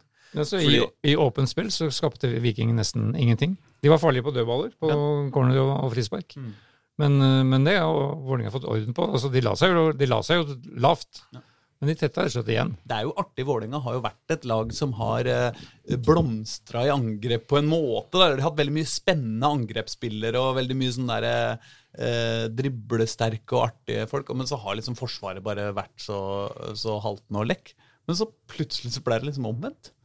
Eh, på et Ja. vis. Men det er, Altså, vel, det er vel det øyeblikket du på en måte innser eh, alvoret man står i. At hvis ikke vi tetter igjen, så altså, det, det er flyvende eh, faen, holdt på å si, hva det Ja, ja, om hvordan du spiller angrepsfotball eh, på en måte nå. For hvis du slipper inn så mye mål hele tida, så, så hjelper det liksom ingenting. Det er jo det de egentlig har innsett, og det er vel der Geir Bakke egentlig virker som han har satt inn Ja, det- alle ressurser. Det har de jo fått gjort noe med, da, men, men de er jo frustrert sjøl òg. De, de sa jo det, de som ble snakka med i pausen her, at de skulle jo gjerne fått til noe med ballen sjøl. Altså en tre-fire trekk hadde jo vært Ja, men altså, De gjør jo det, de bare trenger å ligge under først. Ja, nemlig, Eh, nemlig. Og, og det, det er jo sånn sett så hadde det jo vært uh, åpenbart best for Vålerenga om man slapp inn et mål litt tidligere i kampen, så man kunne begynne å, begynne å spille fotball. Fordi i det øyeblikk jeg så på den derre- i ballinnehavoversikten, og da er det jo sånn at den er liksom peker på Vikings i det hele kampen fram til det øyeblikket Viking skårer. Og Mm. da går den motsatt. Og der, der, derfra og ut har Vålerenga ballen. Ja. Eh, og det er jo veldig Og det var da i det 60 eh, et eller annet minutt, var det ikke det, da? Som, eh, Bitry skåret sjølmål. som ja jeg jeg syns riktignok ikke vi skal være strenge mot Bitry for det. For eh, det Nei, var en nei, nei, situasjon altså- hvor ballen åpenbart hadde Eller Nei, men det som skjer, er jo-. Det som skjer, er jo veldig interessant. da. Altså, hvorfor skjer det? Var det Vålerenga som plutselig ble gode, eller var det Viking som bare nå tenkte tanker at nå, det, nå skal vi bare forsvare dette inn? Det er ofte, Men det sier jo mye psykologi spiller inn i dette Mm. merkelige spillet, med så mye folk involvert. ofte så er jo det en, en en, jeg kombinasjon av de to. Men, men det, er, det er litt det. det er, jeg, jeg- ble litt overraska over det også, fordi det så ut som om Viking ga vekk veldig mye av initiativet. Eh, og det er liksom fram til det altså Selv om Viking ikke hadde skapt eh, all verden, i hvert fall ikke åpent spill, så hadde de jo full kontroll på kampen. Vålerenga hadde jo ikke hadde knapt altså Med unntak av den derre eh, sjansen på åpent mål, da, eh, som, som han Ilic bomma på, hadde Viking ikke skapt nesten ikke vært over midtbanen. Så de, de skaper Vålerenga. jo Ja, ja, Vålerenga. De skaper jo ingenting. Eh, så, så hvis liksom Vålinga, Nei, Viking bare hadde da fortsatt liksom å presse på, så, så kunne de jo liksom i hvert fall prøvd å få rodd det i land. Fordi når, når Christian Borchgrevink utligner eh, der med, med sitt første mål på 26 måneder, fant jeg ut, så er det fullt fortjent. Fordi uh, Vålerenga løfter seg og spiller veldig veldig god fotball. All, eh, all ære til, til, til Vålerenga for den, i hvert den siste 25, siste halvtimen av, av kampen. Da er de jo veldig, veldig gode. Men det som er med vi, uh, Altså, skå, skåringer er på en måte Det er liksom Det gjør så utrolig mye, da. Eh, og Viking i denne sesongen her, og den siste tida uh, Veldig ofte så har det vært kamper som har ligna litt på det her. At? De skaper ikke sånne vanvittige målsjanser som de brenner. Uh, og, altså jeg har sett dem en del kamper, og det er, det er ikke sånn at de feier over alle laga. De spiller ganske god fotball, men det er, det er ikke sånn at de skaper så mange sjanser. Jeg tenker Geir Bakke sitter der og tenker her er det bare å, å mure igjen og, og la dem bli litt frustrerte. Det var nok utgangsplanen. Eh, men når, sant, når Viking har skåra seine goller og avgjort gang på gang på gang, så Det er det jeg mener med at det blir haussa opp litt mer enn det prestasjonen egentlig har tilsagt ganske lenge for Viking. Sant? De skårer på et frispark helt på tampen der, de skårer på et hjørnespark, de snubler den inn. Og så går det fra å være uavgjort-resultater til å bli seire, og det er eufori, og folk er liksom helt over seg hvor bra dette laget er, fordi man hele tida klatrer på tabellen, og man ser, alt liksom peker riktig vei. Men sånn, eh, folk er jo alltid veldig opptatt av å se bak resultatene. Og liksom Bak alle disse vikingseierne så er det mange kamper hvor prestasjonen ikke har eh, egentlig vært god nok til at man skulle vinne, men de, de har enkeltspillere som er eh, dyktige, og som har mentaliteten til å, til å stå på hele veien inn til eh, kampen er over, og har fått mye seine skåringer. Så sånn, det var det jeg mente litt innledningsvis, der, med at Viking jeg føler de har blitt liksom hausa litt vel mye opp, for at de er ikke så forbanna gode er de ikke, som sagt. Men det jeg syns de gjør bra i, på lørdag, Viking, er jo også at de nekter Vålerenga å få ballen i det hele tatt. Eh, altså i de første, første to tredelene av kampen. da. Eh, at eh, i det øyeblikket Vålerenga har ballen, så, så, så presser de så høyt og hardt at, uh, at Vålerenga rett og slett ikke greier å spille seg Men, ut. Men, men, men sånne ting, når det kommer til presspill og sånt også, det, det handler jo så mye om selvtillit. Er du der med en gang? Eller er du ikke? ikke sant? Hvis du har trua på at vi kommer til å vinne igjen ballen hvis vi er litt framme i skoa Dette var jo Arne Erlandsen i Skeid. Det er jo ikke sant? Det, det eneste han står og roper på sidelinja, er jo press, press, press. Og Skeid-spillerne nøler. Alltid det halvsekundet, sekundet som gjør at da er ikke noe verdi Når de først kommer opp i press, så har spilleren fått vente opp og slått ballen videre. Ikke? Det er hele tida på etterskudd. Lag som Viking i flyt, de er der med en gang.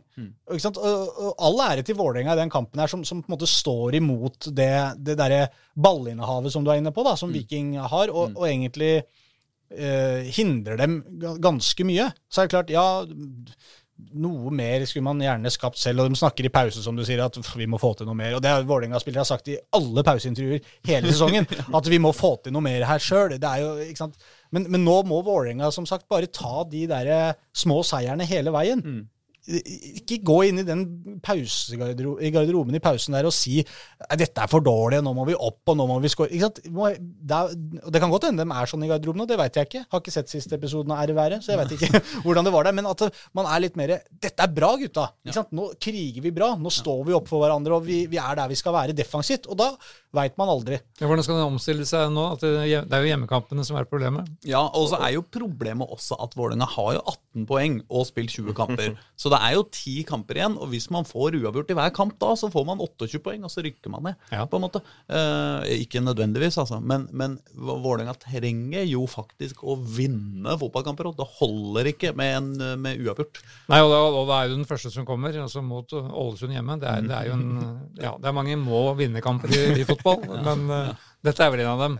Ja. For den Altså, eh, det for- sa vi jo om den Sandefjord-kampen også. Ja. Så tok de ledelsen, tapte på overtid. Men for å si det på en annen måte hvis det skjer igjen mot Ålesund nå, altså da er det Men det, altså, det er altså tre og en halv måned siden. Altså Forrige hjemmeseier kom mot HamKamp 16. mai. Det er, eh, er på tide å vinne igjen på, på Intility for, for A-laget men det fascinerende med det der at man sier 'må vinne', det er jo at, at eh, hvis eh, Tenkt scenario, da. At Vålerenga spiller uavgjort mot Ålesund. Er vi sånn da Ja, da har de rykka ned? Nei. Vi er jo ikke det. Nei, nei, ikke sant? Så det er jo ikke en har jo men, men det er en kamp som på en måte det, ja, altså, Effekten av å ikke vinne den kampen Ja. kan være det som gjør at Vålerenga til slutt rykker ned. Hvis du går av banen, går av, går av banen For banen. Godt av banen. For hele Vålerengas mentale helse. Ja, så er det viktig å ja, det er akkurat det. Men, men vi må innom litt André Illich. den, André Ilic, ja, den der, og den, den den situasjonen. For jeg syns jo han, han spilte Jeg, synes jeg, jeg ble positivt overraska over ham totalt i kampen. Han møtte kanskje en av landets beste midtstoppere, mm. som ikke jeg husker navnet på. selvfølgelig. David Brekalo. Riktig. Og syns det, han gjorde denne fighten veldig bra. Og alt han gjør foran, foran den, det som skal være scoring, det er jo helt riktig gjort. Det er så perfekt. Ja, altså perfekt. Også i en sånn motbakkekamp hvor du, Ja. hvor du, ikke sant, du Det du trenger å få, er den ene kontringa. ikke sant? Og Mm. pasningene kommer perfekt, og han går av keeper som om han aldri har gjort annet enn å gå av keeper. Og så står han der, og så er det bare de der hvor bredt er et mål om dagen. Er Jævla bredt Ikke fortsatt. sant? Det er ganske god plass der. da. Han er mange meter foran keeper. Det er ingen forsvarsspiller i mils omkrets. Men det er jo det som er problemet, ser du som. At han, han, eh, det eneste han gjør feil, egentlig, er jo Bortsett fra selvfølgelig å bomme på ballen. Eller bomme på ballen, men bomme på, Bomme på mål. Bomme på mål. Er, altså han, grunnen til at han gjør det, er jo, virker det som at han ikke er helt orientert. Altså Han tror jo, må jo tro at keeperen eller en eller annen spiller er mye nærmere at han er i en litt mer pressa situasjon enn han er. Fordi han kan jo strengt talt ta ett og to touch til på ballen hvis han har lyst til det. Det er, ingen, det er jo ingen der. Men jeg tror ikke han helt forstår hvor åpent og aleine han på en måte er. Og så uh, tenker han da bare nå skal jeg bare enkelt og greit Nå bare fiker jeg til og setter min første. Så er det den saken. Det er ikke noe, jeg er ikke noe å ta et par touch til og rote det til, liksom. Jeg skjønner jo det. Det er jo, det er jo mulig å sette den. Du kan tenke så veldig mye før han skyter. Nei. Han, det Nei, men det, det, virker, det virker så panisk. På må ja, det er det. At han virker som, føles som han tror Geir han har dårlig tid. Geir Bakke hadde vel en teori om at det kunne være kunstgress. At, at stussen på den siste, siste stussen ble litt, litt for lang. Ja, men altså, hadde han i det minste bomma på ballen? Ja. Hadde han ikke fått reint treff? Hadde han ja, snubla ballen sklidd av foten? Hva som helst! Ikke? sant? Men det Ja, er bare- det er, su- det er, det er klokkereint treff. Ja, og, det, ja og det, det, det, Han treffer jo ganske fint i stolpa der. Og, og Ja. på venstre side av stolpa der Det er bare en, en stolpe som står langt unna mål og bare holder et nett opp. Eller noe sånt. Altså, det er, nei, det, altså, men, men altså, dette blir ikke the legacy of Andrej Ilic i Vålerenga. Men hadde- Eh, men han- altså, hvis det hadde blitt det, så Ja, men hadde, han hadde jo Var ikke eh, et, en ball inn i boksen der hvor han var litt sånn feilvendt, og så fikk lagt igjen. Jo, jo, jo. Ganske pent der. Bra pasning til uh, Ja, var det Borg? Nei, det, var Haakons. Ja, Håkans tror jeg det var, som Ja. et uh, Altså, hvor, uh, hvor han gjorde det helt riktig. Han Ja, fikk ja. en feilvendt. Han la ballen ned fint til en halvvolle fra Håkan, som klinte til. Ja, og det er en litt sånn pressa situasjon, mann i ryggen. Eh, og, og det på en måte hvor følsomt han klarer å få lagt den til rette. Altså, det er jo sånn der, det, er, det er sånn spill man ser på aller høyeste, øverste hylle, på en måte. Altså den derre evnen til å se medspillerne. Og, og, og ikke tenke seg om to ganger. Det er fort gjort å tråkke på ballen, vurdere om man skal øh, vende opp og, og prøve en avslutning. Men, men det, sitter, det satt liksom bare så i ryggmargen på han. Ja. Ned der, kjapt tilbake, klink skudd, det burde vært mål. Der så han, Jeg syns Ilic var veldig bra i den kampen. der. Og så er det eneste folk husker, det er da den bommen. Men så, sånn er jo denne bransjen. Ja, og det er, ikke, det, det, er ikke, det er ikke urettferdig engang. Det er på en måte Ja, ja. Nei, nei, men, men altså, eh, basert på, altså, på det Vålerenga ville hente, da, som jo da var eh, De ville gjøre laget mer voksent, ville jo ha inn mer fysikk, mer rutine. Og altså, eh, Av det vi har sett av de, da Både Bitri Bitri skårte jo i sin første kamp, også vært god i og duellspillet. Ja, det var den her. Men, men da er det jo liksom Altså, i den, den femminuttersperioden der, for det var jo rett etter eh, Det var jo parter, bare et par-tre minutter etter at Bitter satte ballen i eget mål. Han var jo riktignok veldig pressa, og ballen spratt jo bare via han og i mål, så det var liksom ikke, var ikke tabbe på noen helst måte. Men, men da, da sitter du altså igjen med liksom eh, to, to nye spillere, da. Som liksom Den ene eh, har kjempebom på åpent mål, og den andre skårer sjølmål. I løpet av fem minutter der. Altså, det er jo ingen, eh, ingen tvil om at de spillerne her er gode tilvekster for Vålerenga. Men så kommer det ut da i den situasjonen med de fem minuttene med at de to nye spillerne dine bommer på åpent mål, og den andre skårer sjølmål. Ja da, det er den tabloide vinklingen på han, han setter han ikke eget mål. Altså, det er jo, jeg vil ikke uttrykke det slik. Han, han blir vel truffet, og så spretter han i mål. Ja, eller det er, det er, altså, det er i hvert fall en Det er i hvert fall ikke en sånn å, fy faen, for en Nei, nei, det er ingen, det er ingen tabbe. Det er ikke noe sånn Men det, er, men det er jo liksom Det er fortsatt tidlig på en måte å skulle felle noe dom over dem, da. Men det, Ja. det, det de har gjort til nå, er jo vært eh, Du ser, og, og, men det er akkurat det som du sier. Altså, eh, Eller bortsett fra det Vålerenga skulle hente, da, som jo da var fysikk og mer rutine, mer voksenhet det vi, altså, Begge to viser jo at det har de, liksom. Og det, det kan Viking bruke, nei, Vålerenga bruke for det det er verdt. Men eh, grunnen til at denne Ålesund-matchen blir eh, ekstra viktig, i hvert fall enda mer må vinne match, er at de har jo da Bodø-Glimt på Aspmyra i kampen etterpå. Um, som de selvfølgelig kan uh, vil parkere bussen igjen, og det kan jo lykkes. I hvert fall få inn et, Men som du sier, det, det holder ikke med ett poeng i resten av kampene. Nei, men uh, jeg må også bare si at uh, det derre i stua mi, da Den gleden da det er Christian Borchgrevink som får kline den ballen i, i mål til slutt der, er også så Det, det, er, det, er, så, det er så hyggelig at det er liksom han sjølveste Tenk å være ute i 26 måneder Nei, ikke ha Ja, scora ja, på 26 Han har vært ute i halvannet år med skade. Det er jo sånn Det, var jo, det er jo liksom Om han i det hele tatt kommer seg videre i karrieren sin, Christian Borchgrevink, etter en sånn skade, er det jo en utrolig prestasjon.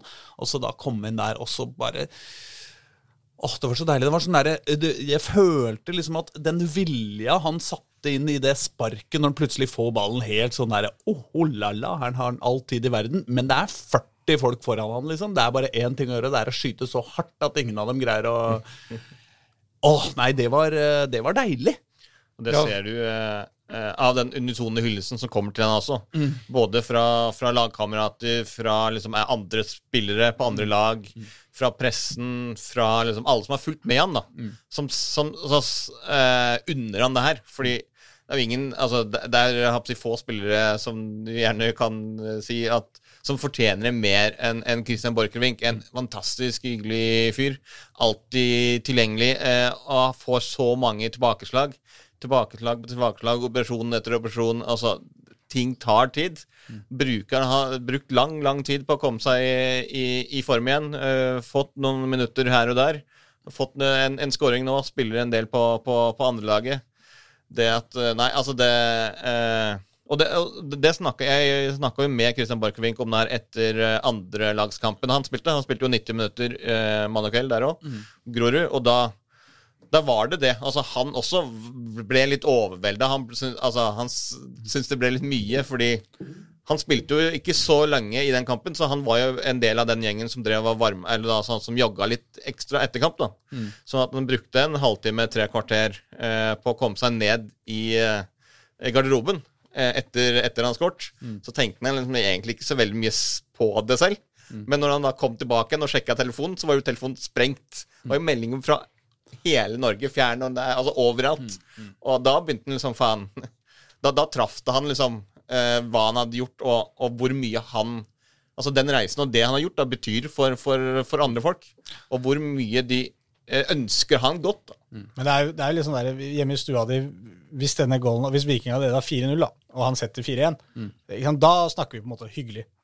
Ja. Hvis du skjønner? Ja, eller sånn, det, det, Ja, det hadde, ja, men da, det hadde vært jævlig gøy ikke sant, da også, at han får den scoringa. Liksom. Ok, det var et ganske saftig plaster på, på såret, faktisk. Den, den, det var gøy for han. Men når du liksom, i tillegg til å få goalen eh, liksom er helt avgjørende for at du får et poeng borte mot Viking i en sånn vanskelig kamp så all, alle avskrevet Vålerenga, så blir det på en måte en, det, blir, det blir veldig mye større, da. Det er bare å forberede en, ta, en, en eh, etterfotballkarriere som sånn der eh, sjølutviklingsguru for Christian Borchgrevink med en gang etter Ja. den eh, historien her. Jeg ser for meg Jeg kan skrive hele talen for den i morgen, og så kan han tjene 50 000 i uka på det resten av livet. Og du skal vel ha litt Ja, ja en liten, en liten dose. Ja. Men Først vil du se litt mer, eh, enda mer av det. For det, jeg mener at han blir en forsterkning for Vålerenga i høst, med sin innleggsfot, som er mm. eh, på sitt beste ganske unik. pluss at eh, selvfølgelig Vålerenga jo da tross alt er en bekk mindre enn eh, man hadde forventa. Eh, eh, unge Leonard Sota, som har reist reist tilbake til Sverige. Det er riktig. Uh, kom litt sånn eh, overraskende og litt sånn uh, Framsto litt som, som, som ubetydelig, på en måte. Sånn, ja, så har uh, Sota stikket, liksom. Hæ? Eh, Vålerenga hadde for lengst sagt at overgangsvinduet var stengt for dems del, og nei, det skulle ikke skje noe mer og sånn. Så bare ja, forresten, Sota stikker, liksom. Hva skjedde nå, liksom? Um, Det var vel noe som Sota i hvert fall ønska seg selv. det, det, det Så, så det er jo litt sånn Det var både overraskende og ikke overraskende, på en måte. At, at Sota skulle forsvinne, var kanskje ikke så overraskende, men, men at timing det skjedde på, og når det skjedde, var kanskje mer overraskende. fordi da, altså det er sånn at du gjerne tenker at uh, en spiller som Sota blir erstatta. Men når det liksom bare, ja, som du sier, rett før liksom kvart, kvarter før overgangsvinduet stenger, bare forresten, vi har, vi har kvitta oss med Sota, altså ikke noe mer med det. Men jeg, jeg føler at Sota er litt sånn derre Han er en av mange jakker som henger i gangen, på en måte. Og så tenker du at den er der, og den dagen du skal ha den, så har noen solgt den, på en måte. Kjæresten din har solgt den jakka. Jeg er- bruker den ikke hver dag, liksom, men øh, jeg, jeg, den er der. Sånn til nødstilfelle så skal jeg bruke den. Ja, det er raidjakka liksom, fra, fra 82 som, som alltid har vært i skapet. Det verste jeg Det har hørt i hele mitt liv, Håkon. Sota er topp, eh, topp, topp, topp. Topp. Han er brukt ganske mye òg, faktisk. Ja da. Ja. Men, men, men, sånn, men, det er ikke sånn helt krise liksom, at han forsvinner. Det er det jeg mener. Men det var liksom greit å ha han der. Var det ikke det? Jo, nei, men altså, Jeg mener jo at uh, han er jo den uh, soleklart uh, beste venstrebekken Vålerenga har hatt på en måte i det siste. Så kan du jo si at den omlegginga til, til øh, trebekslinje har forandra det litt. Det har jo kanskje det. Men, Men han var litt sånn potet som kunne brukes når det- kneip. Litt, litt som han Hva het han, hva het han uh, estlenderen som var der for noen, noen år siden? En, Enar Jæger. som, som de plutselig hevna tilbake igjen. For at de, de måtte ha en sånn potet igjen bak der. Nei, men øh, jeg syns Men det, det er samme det Men jeg, jeg syns det var litt overraskende og litt, øh, og litt øh, synd. Også fordi at jeg, det er noe med at sånne um, Uh, for, for spillere som blir henta fra utlandet, uh, gjerne i Forsvaret, og så uh, forsvinner etter et par år eller et år da, da, De rekker på en måte Samme med Sam Adikubi uh, før. liksom man, Uansett hvor god man er, da, så rekker man på en måte ikke helt å skrive seg inn i historien, Så bare blir det en sånn en som Vi kommer til å se lagbildet av uh, Vålerenga 2022, og så Hvem faen var han der langhåra venstrebekken? Nei, jeg husker ikke. Hadde ikke han et eller annet litt kult navn? Ja, det Jo, var, noe, var noe referanse til noe. Ikke sant? Ja. Ikke sant? Og det, det gruer jeg meg til, for jeg hadde lyst til at Sota skulle på en måte stå igjen. Uh, Ikke sant? Bli noe mer, bli noe mer, ja. Ja, ja.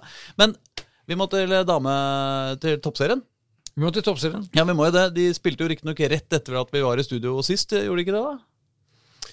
Vålerenga spilte jo ikke i toppserien. da. Var Vålerenga ikke cupkamper.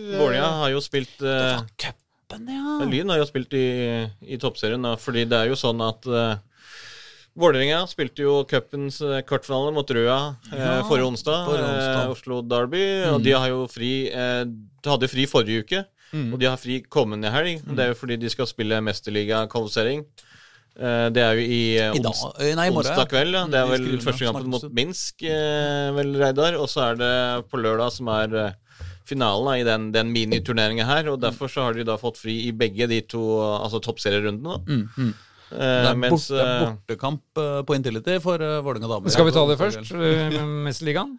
For det er, jo, det er jo litt spennende, litt morsomt og litt fascinerende og litt interessant. Altså, norsk idrett vil ha Belarus utestengt fra all internasjonal idrett. Det vil de fleste land i, i Europa. Men uh, Uefa lar dem være med i europeisk, europeiske turneringer. Mm. Så de skal ha landet da i, mens vi sitter her, tenker jeg, Mm. og skal da spille sin første kamp mot Så FC Minsk skal ha hjemmekamp i morgen mot Vålerenga klokka, klokka 20.00. Mm. Og det er et lag som eh, ifølge Nils Leks- Lekserød ligner på Røa. Ja. Så mm, når de legger opp og planlegger denne kampen, her, så, må, så er det som om de skal møte Røa. Og det gjorde de jo i forrige uke, så det passer jo bra. Det passer bra. De slo dem ut i cupen, men de har slitt med dem i serien. Og de spilte både 2-2 og 3-3, som jeg husker. Jo. Så, så Men den belarussiske toppserien for kvinner har mange slitt med å analysere. Ja. Men de har sett de siste tre kampene hennes på video, og dette laget tapte jo 1-0 for Rosenborg i, i fjor. Men uh, mye kan ha skjedd på et år. Men de spiller altså en liga hvor de vinner da annenhver kamp med mer enn tosifra. Altså 12-0, 17-0. Jeg tror 19-0 er den største seieren de har Mm. hjemme. Mm. Men så ligger det da bare på annenplass i serien og tapte for topplaget da 1-2 for et par uker siden. Men hvis de da slår dette laget Minsk-laget i morgen, så forsvinner da Belarus tilbake. Og da er de ikke på norsk jord lenger. Og da er det så vinnerne av Brønnby og Celtic de skal da møte i en liten finale lørdag kveld. ja. Også klokka 20.00 på Intility. Brønnby har de jo møtt tidligere i Europa. Og hvis de da vinner den også, så kommer de da til det som er playoff for Mesterligaen. Så da gjenstår det et dobbeltoppgjør mot en annen motstander, Ja, som kan det- bli hva som helst. Det er fire, det er fire det er, det, det, Dette er som å ligge på sjetteplass i Obos-ligaen. Det, det, er- det er fire kamper, fire kamper opp til det, det forjettede land. En, to, tre, fire. Riktig. Eller Ja. noe sånt. Eller Noe noe sånt. rundt der i leia, liksom. ja, ja, ja. Ja, men eh, første oppgjør altså på onsdag, som da sannsynligvis da, samme dag som denne podden blir lagt ut. eh, på Intility i bortekamp. Så deres fravær har da Lyn, så Lyn og Røa har da spilt sine kamper. Ja. Lyn, Lyn Vi, tar, vi kan jo ta litt om uh, Vålerenga sin kamp mot Røa også, når vi først er inne på det. Det var jo kraft- kvartfinalen forrige onsdag. Det var eh, Det står 484 tilskuere på Intility, og det var det, det var det ikke på noen som helst måte. Det var uh, egentlig en ganske spesiell eh, kamp. Det var, altså, Vålerenga hadde veldig mye, mye ball, Uh, mens jeg syns egentlig Drøa var langt på vei Altså like farlig mm, i sine angrep. Fordi det var liksom ikke sånn at Vålerenga greide å skape all verden. Før helt på, på slutten, da, da nykommer Mikaela Kovacs stanga inn et en corner av, eh, som hun fikk fra eh, sin eh, midtstopperkollega Selma Pettersen, som har begynt å ta, begge nykommere i VIF-laget. ta, ta dødballer etter at Andrine Tomter forsvant. Eh, og, og etter det så, så hadde jo Vålerenga relativt grei kontroll. Et par-tre minutter senere da, så skjedde jo den situasjonen som, som alle snakka om etter den kampen. Og det var jo et eh, innlegg eh, fra siden der eh, VIF-spiss da Karina Sævik havna i duell med røda keeper Hildegunn Sævik, som er hennes lillesøster. lillesøster. Eh, Karina Sævik kom jo først på ballen. Eh, eh, og skåra, men da landa på, på ankelen til eh, Hildegunn Sævik, som da måtte ut med skade. Eh, og det er jo eh, selvfølgelig den situasjonen alle har lyst til å, å snakke om. Eh, ikke nødvendigvis at det blir en skade, liksom, men at, at søsterduellen eh, ene skårer på den andre, det blir skadet. Altså, det, er, altså, det, er en åpenbar, eh, åpenbar sak. Men det vil jo da ikke noen snakke om etter kampen. Mm. Karina Sævik ønska ikke å snakke med pressen, ble skjerma av eh, eh, trener eh, Nils Lekserød pga. da fam dype familiebånd som vi ikke ønsker eh, at ikke ønsker å uttale seg. Så uttalte jo Nils Lekserøs seg på vegne av eh, av eh, Karina Sævik. Det er veldig, veldig sjelden en ganske unik situasjon hvor du ser også det ene laget skårer, og målskåreren Jeg vet ikke om hun oppfatter det i det hele tatt, at den ballen går i mål. For hun er da bare opptatt av Ja, ja, søstera si, som ligger på bakken. hun løper bare rett til søstera si, og, og og når Etter situasjonen er eh, ferdig, da, når hun har gått av banen, og eh, Karina uh, Sævi skal gå tilbake på, på, på midtstreken, så ser du jo bildene av eh, NRK eh, som sendte det. Mm. TV 2, TV 2 var det som sendte det. At Karina Sævik er jo på gråten. Altså, Det er ikke sånn at hun driver og feirer mål, og at de er videre til semifinalen. Hun er jo altså, mest bekymra for, for lillesøster og er på gråten at hun måtte gå av med skade. Altså, jeg må si jeg har vært frista til å stemple min Nei da, jeg bare tuller. Unnskyld, det var upassende spøk eh, dessuten. Jeg trekker det tilbake. Ok. Det er veldig sjelden at målskåreren gråter for en scoring. Ja, i hvert fall av sorg. Ja, Av sorg. Ja. Det har vel hendt at gledestårer har spredt de ut. Men um, ja, en spesiell situasjon for begge. Men det gikk vel bra, da, stort sett med denne keeperen. Ettersom jeg skjønte. Ja, det, altså, det er jo ikke sånn at uh, Eller så vidt vi vet at hun måtte legge opp, i hvert fall. Amputere foten. Så, Så, eh, men det er også det uh, Vålerenga, som jo var, ble nevnt her, at Røa ligner mye på, på det Minsk-laget. Eh, og jeg snakka litt med de om, om, det etter kampen, om det her var en god oppladning før, uh, før Champions League. Og det var det jo alle enige om at det var bra. Godt spill. De greide også altså, kanskje ikke spille sitt beste, men allikevel ro i land en seier. Så det var det jo, tar de med seg den selvtilliten inn i, i den Minsk-kampen da, onsdag kveld. Og ble det Lyn Nei, Vålerenga mot Lyn i semifinalen. Ja. Det blir en høydare Det, i slutten av måneden. det blir gøy. På en tidlig tid? På en tidlig tid. Fordi Lyn var jo da i aksjon, i hvert fall på lørdag i serien, og spilte 1-1 mot Stabæk. Et, eh, en kamp de burde vunnet. Anna Aahjem skåra tidlig, etter tre minutter, tenker jeg. Kom fri på høyre og bare så at det her var ikke noen å passe til, så da banka jeg en rett i mål, og det gjorde han. Eh, ja, ikke så mye mer å si om den kampen, men de burde jo, Lyn var best og burde vunnet. Ble vel snitt for et straffespark på slutten der. Ja, det var vel hun uh, kapteinen uh, Iselin Sandnes Olsen som spilte sin hundrede kamp. Som jo har vært straffeskytter i det siste. Så da kunne hun ha fått muligheten til å bli matchvinner i sin jubileumskamp. Men det ble, fikk jo altså ikke anledning til, siden Lyn ikke fikk den straffen de skulle ha. Og så lurer vi jo på hvorfor Lyn i all verden spiller på Grorud fortsatt. De skulle jo spille hele høstsesongen på Kringsjå, var sagt. Men um, som vi har nevnt før, i, både i, på, i ord og her Oslo kommune og anleggsutvikling er litt det er, det er noen som sliter litt. Så det er blitt litt forsinka på Kringsjå. Derfor må de spille på Grorud fortsatt noen kamper til, men de håper, de håper visstnok å få De har Vålinga en av de siste serierundene. De håper å få den på Kringsjå, i hvert fall.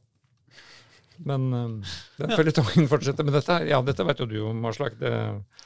Ba, anleggs, anleggssituasjonen i Oslo. Ja. Vi tar, ikke, vi tar ikke en lang runde om Nei, den nå. vi gjør ikke det. Jeg lurer på om vi rett og slett Men skal- Røa uh, Vi må nevne Røa.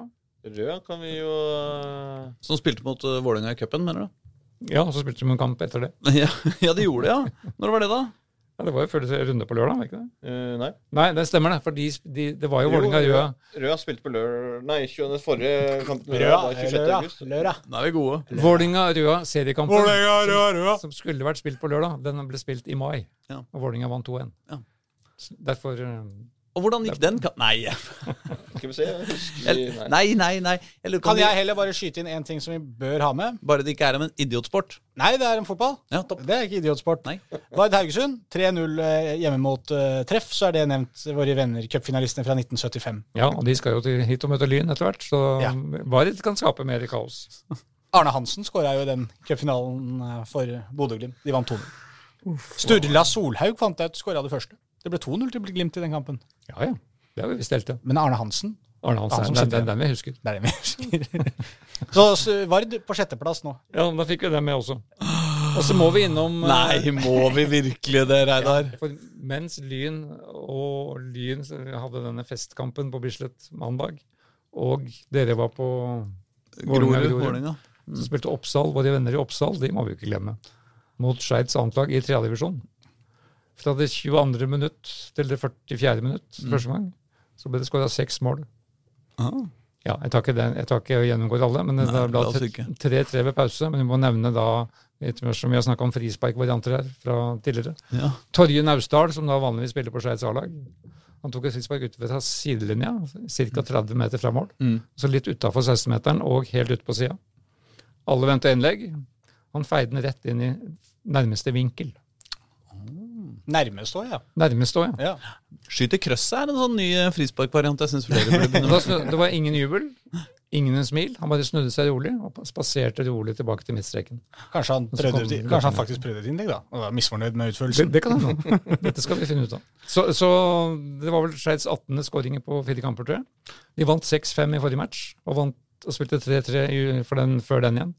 Så vi, for de som trenger å se litt Oslo, skåringer i Oslo-fotballen, så har det vært å oppsøke Skeid. Jeg blåste jo et, Skeid to. eh, Skeid 2, jeg blåste, et, blåste et skudd i krysset fra langt hold en gang, jeg. Som skulle vært et innlegg til Martin. På Fifa. Nei, i virkeligheten. Mm. Uh, og ja, det var ment som et innlegg, og så gikk den i krysset. Og jeg, jeg, da var jeg litt sånn misfornøyd, for jeg bomma såpass grovt på innlegget. Men ballen gikk jo i mål, og så kom treneren bort etterpå og sa liksom 'fantastisk eh, scoring', Håkon. Da sa jeg nei, det var, jeg prøvde innlegg, det var dårlig. Da, det må du ikke si til noen. Det var et skudd, Håkon. ok, greit. Så det var et skudd, Torje. Så jeg veit ikke hvor mange ganger vi har nevnt Ulrik Ferric og skåret hat trick på Frigg. Vi nevner det tre ganger, er ikke Jo, det? Jeg har følelsen i år, årevis. Har vi om han. I Nå var det hat trick igjen i 6-0-seieren over Lillestrøms landslag, som kan rykke ned fra tredjedivisjon. De hadde forsterka laget med en del A-lagsspillere, men Frigg var faktisk leverte kanskje årsbeste. Det er det synd at ingen av disse Oslo-lagene er med i opprykkskampen lenger i tredjedivisjon. Men ja. eh, De må komme seg opp der, så får vi brukt eh, mer tid ja, på det. skåret jo hat trick i forkamp, på uh, Lyk Ferrer, som har to hat trick på, på rad etter at han ikke har skåret mål på, hat trick på hat trick, på en måte. Tre på eh, en eh, nå, Men nå, nå er han oppe i 93 mål. Ja. Bare sju mål nå unna å runde 100 mål, som han jo, han jo jakter denne sesongen. Da sier vi det sånn, eh, gutter og jenter. Frigg er Og digg. andre. Frigg er digg. Frigg er digg. Ha det. Ha det.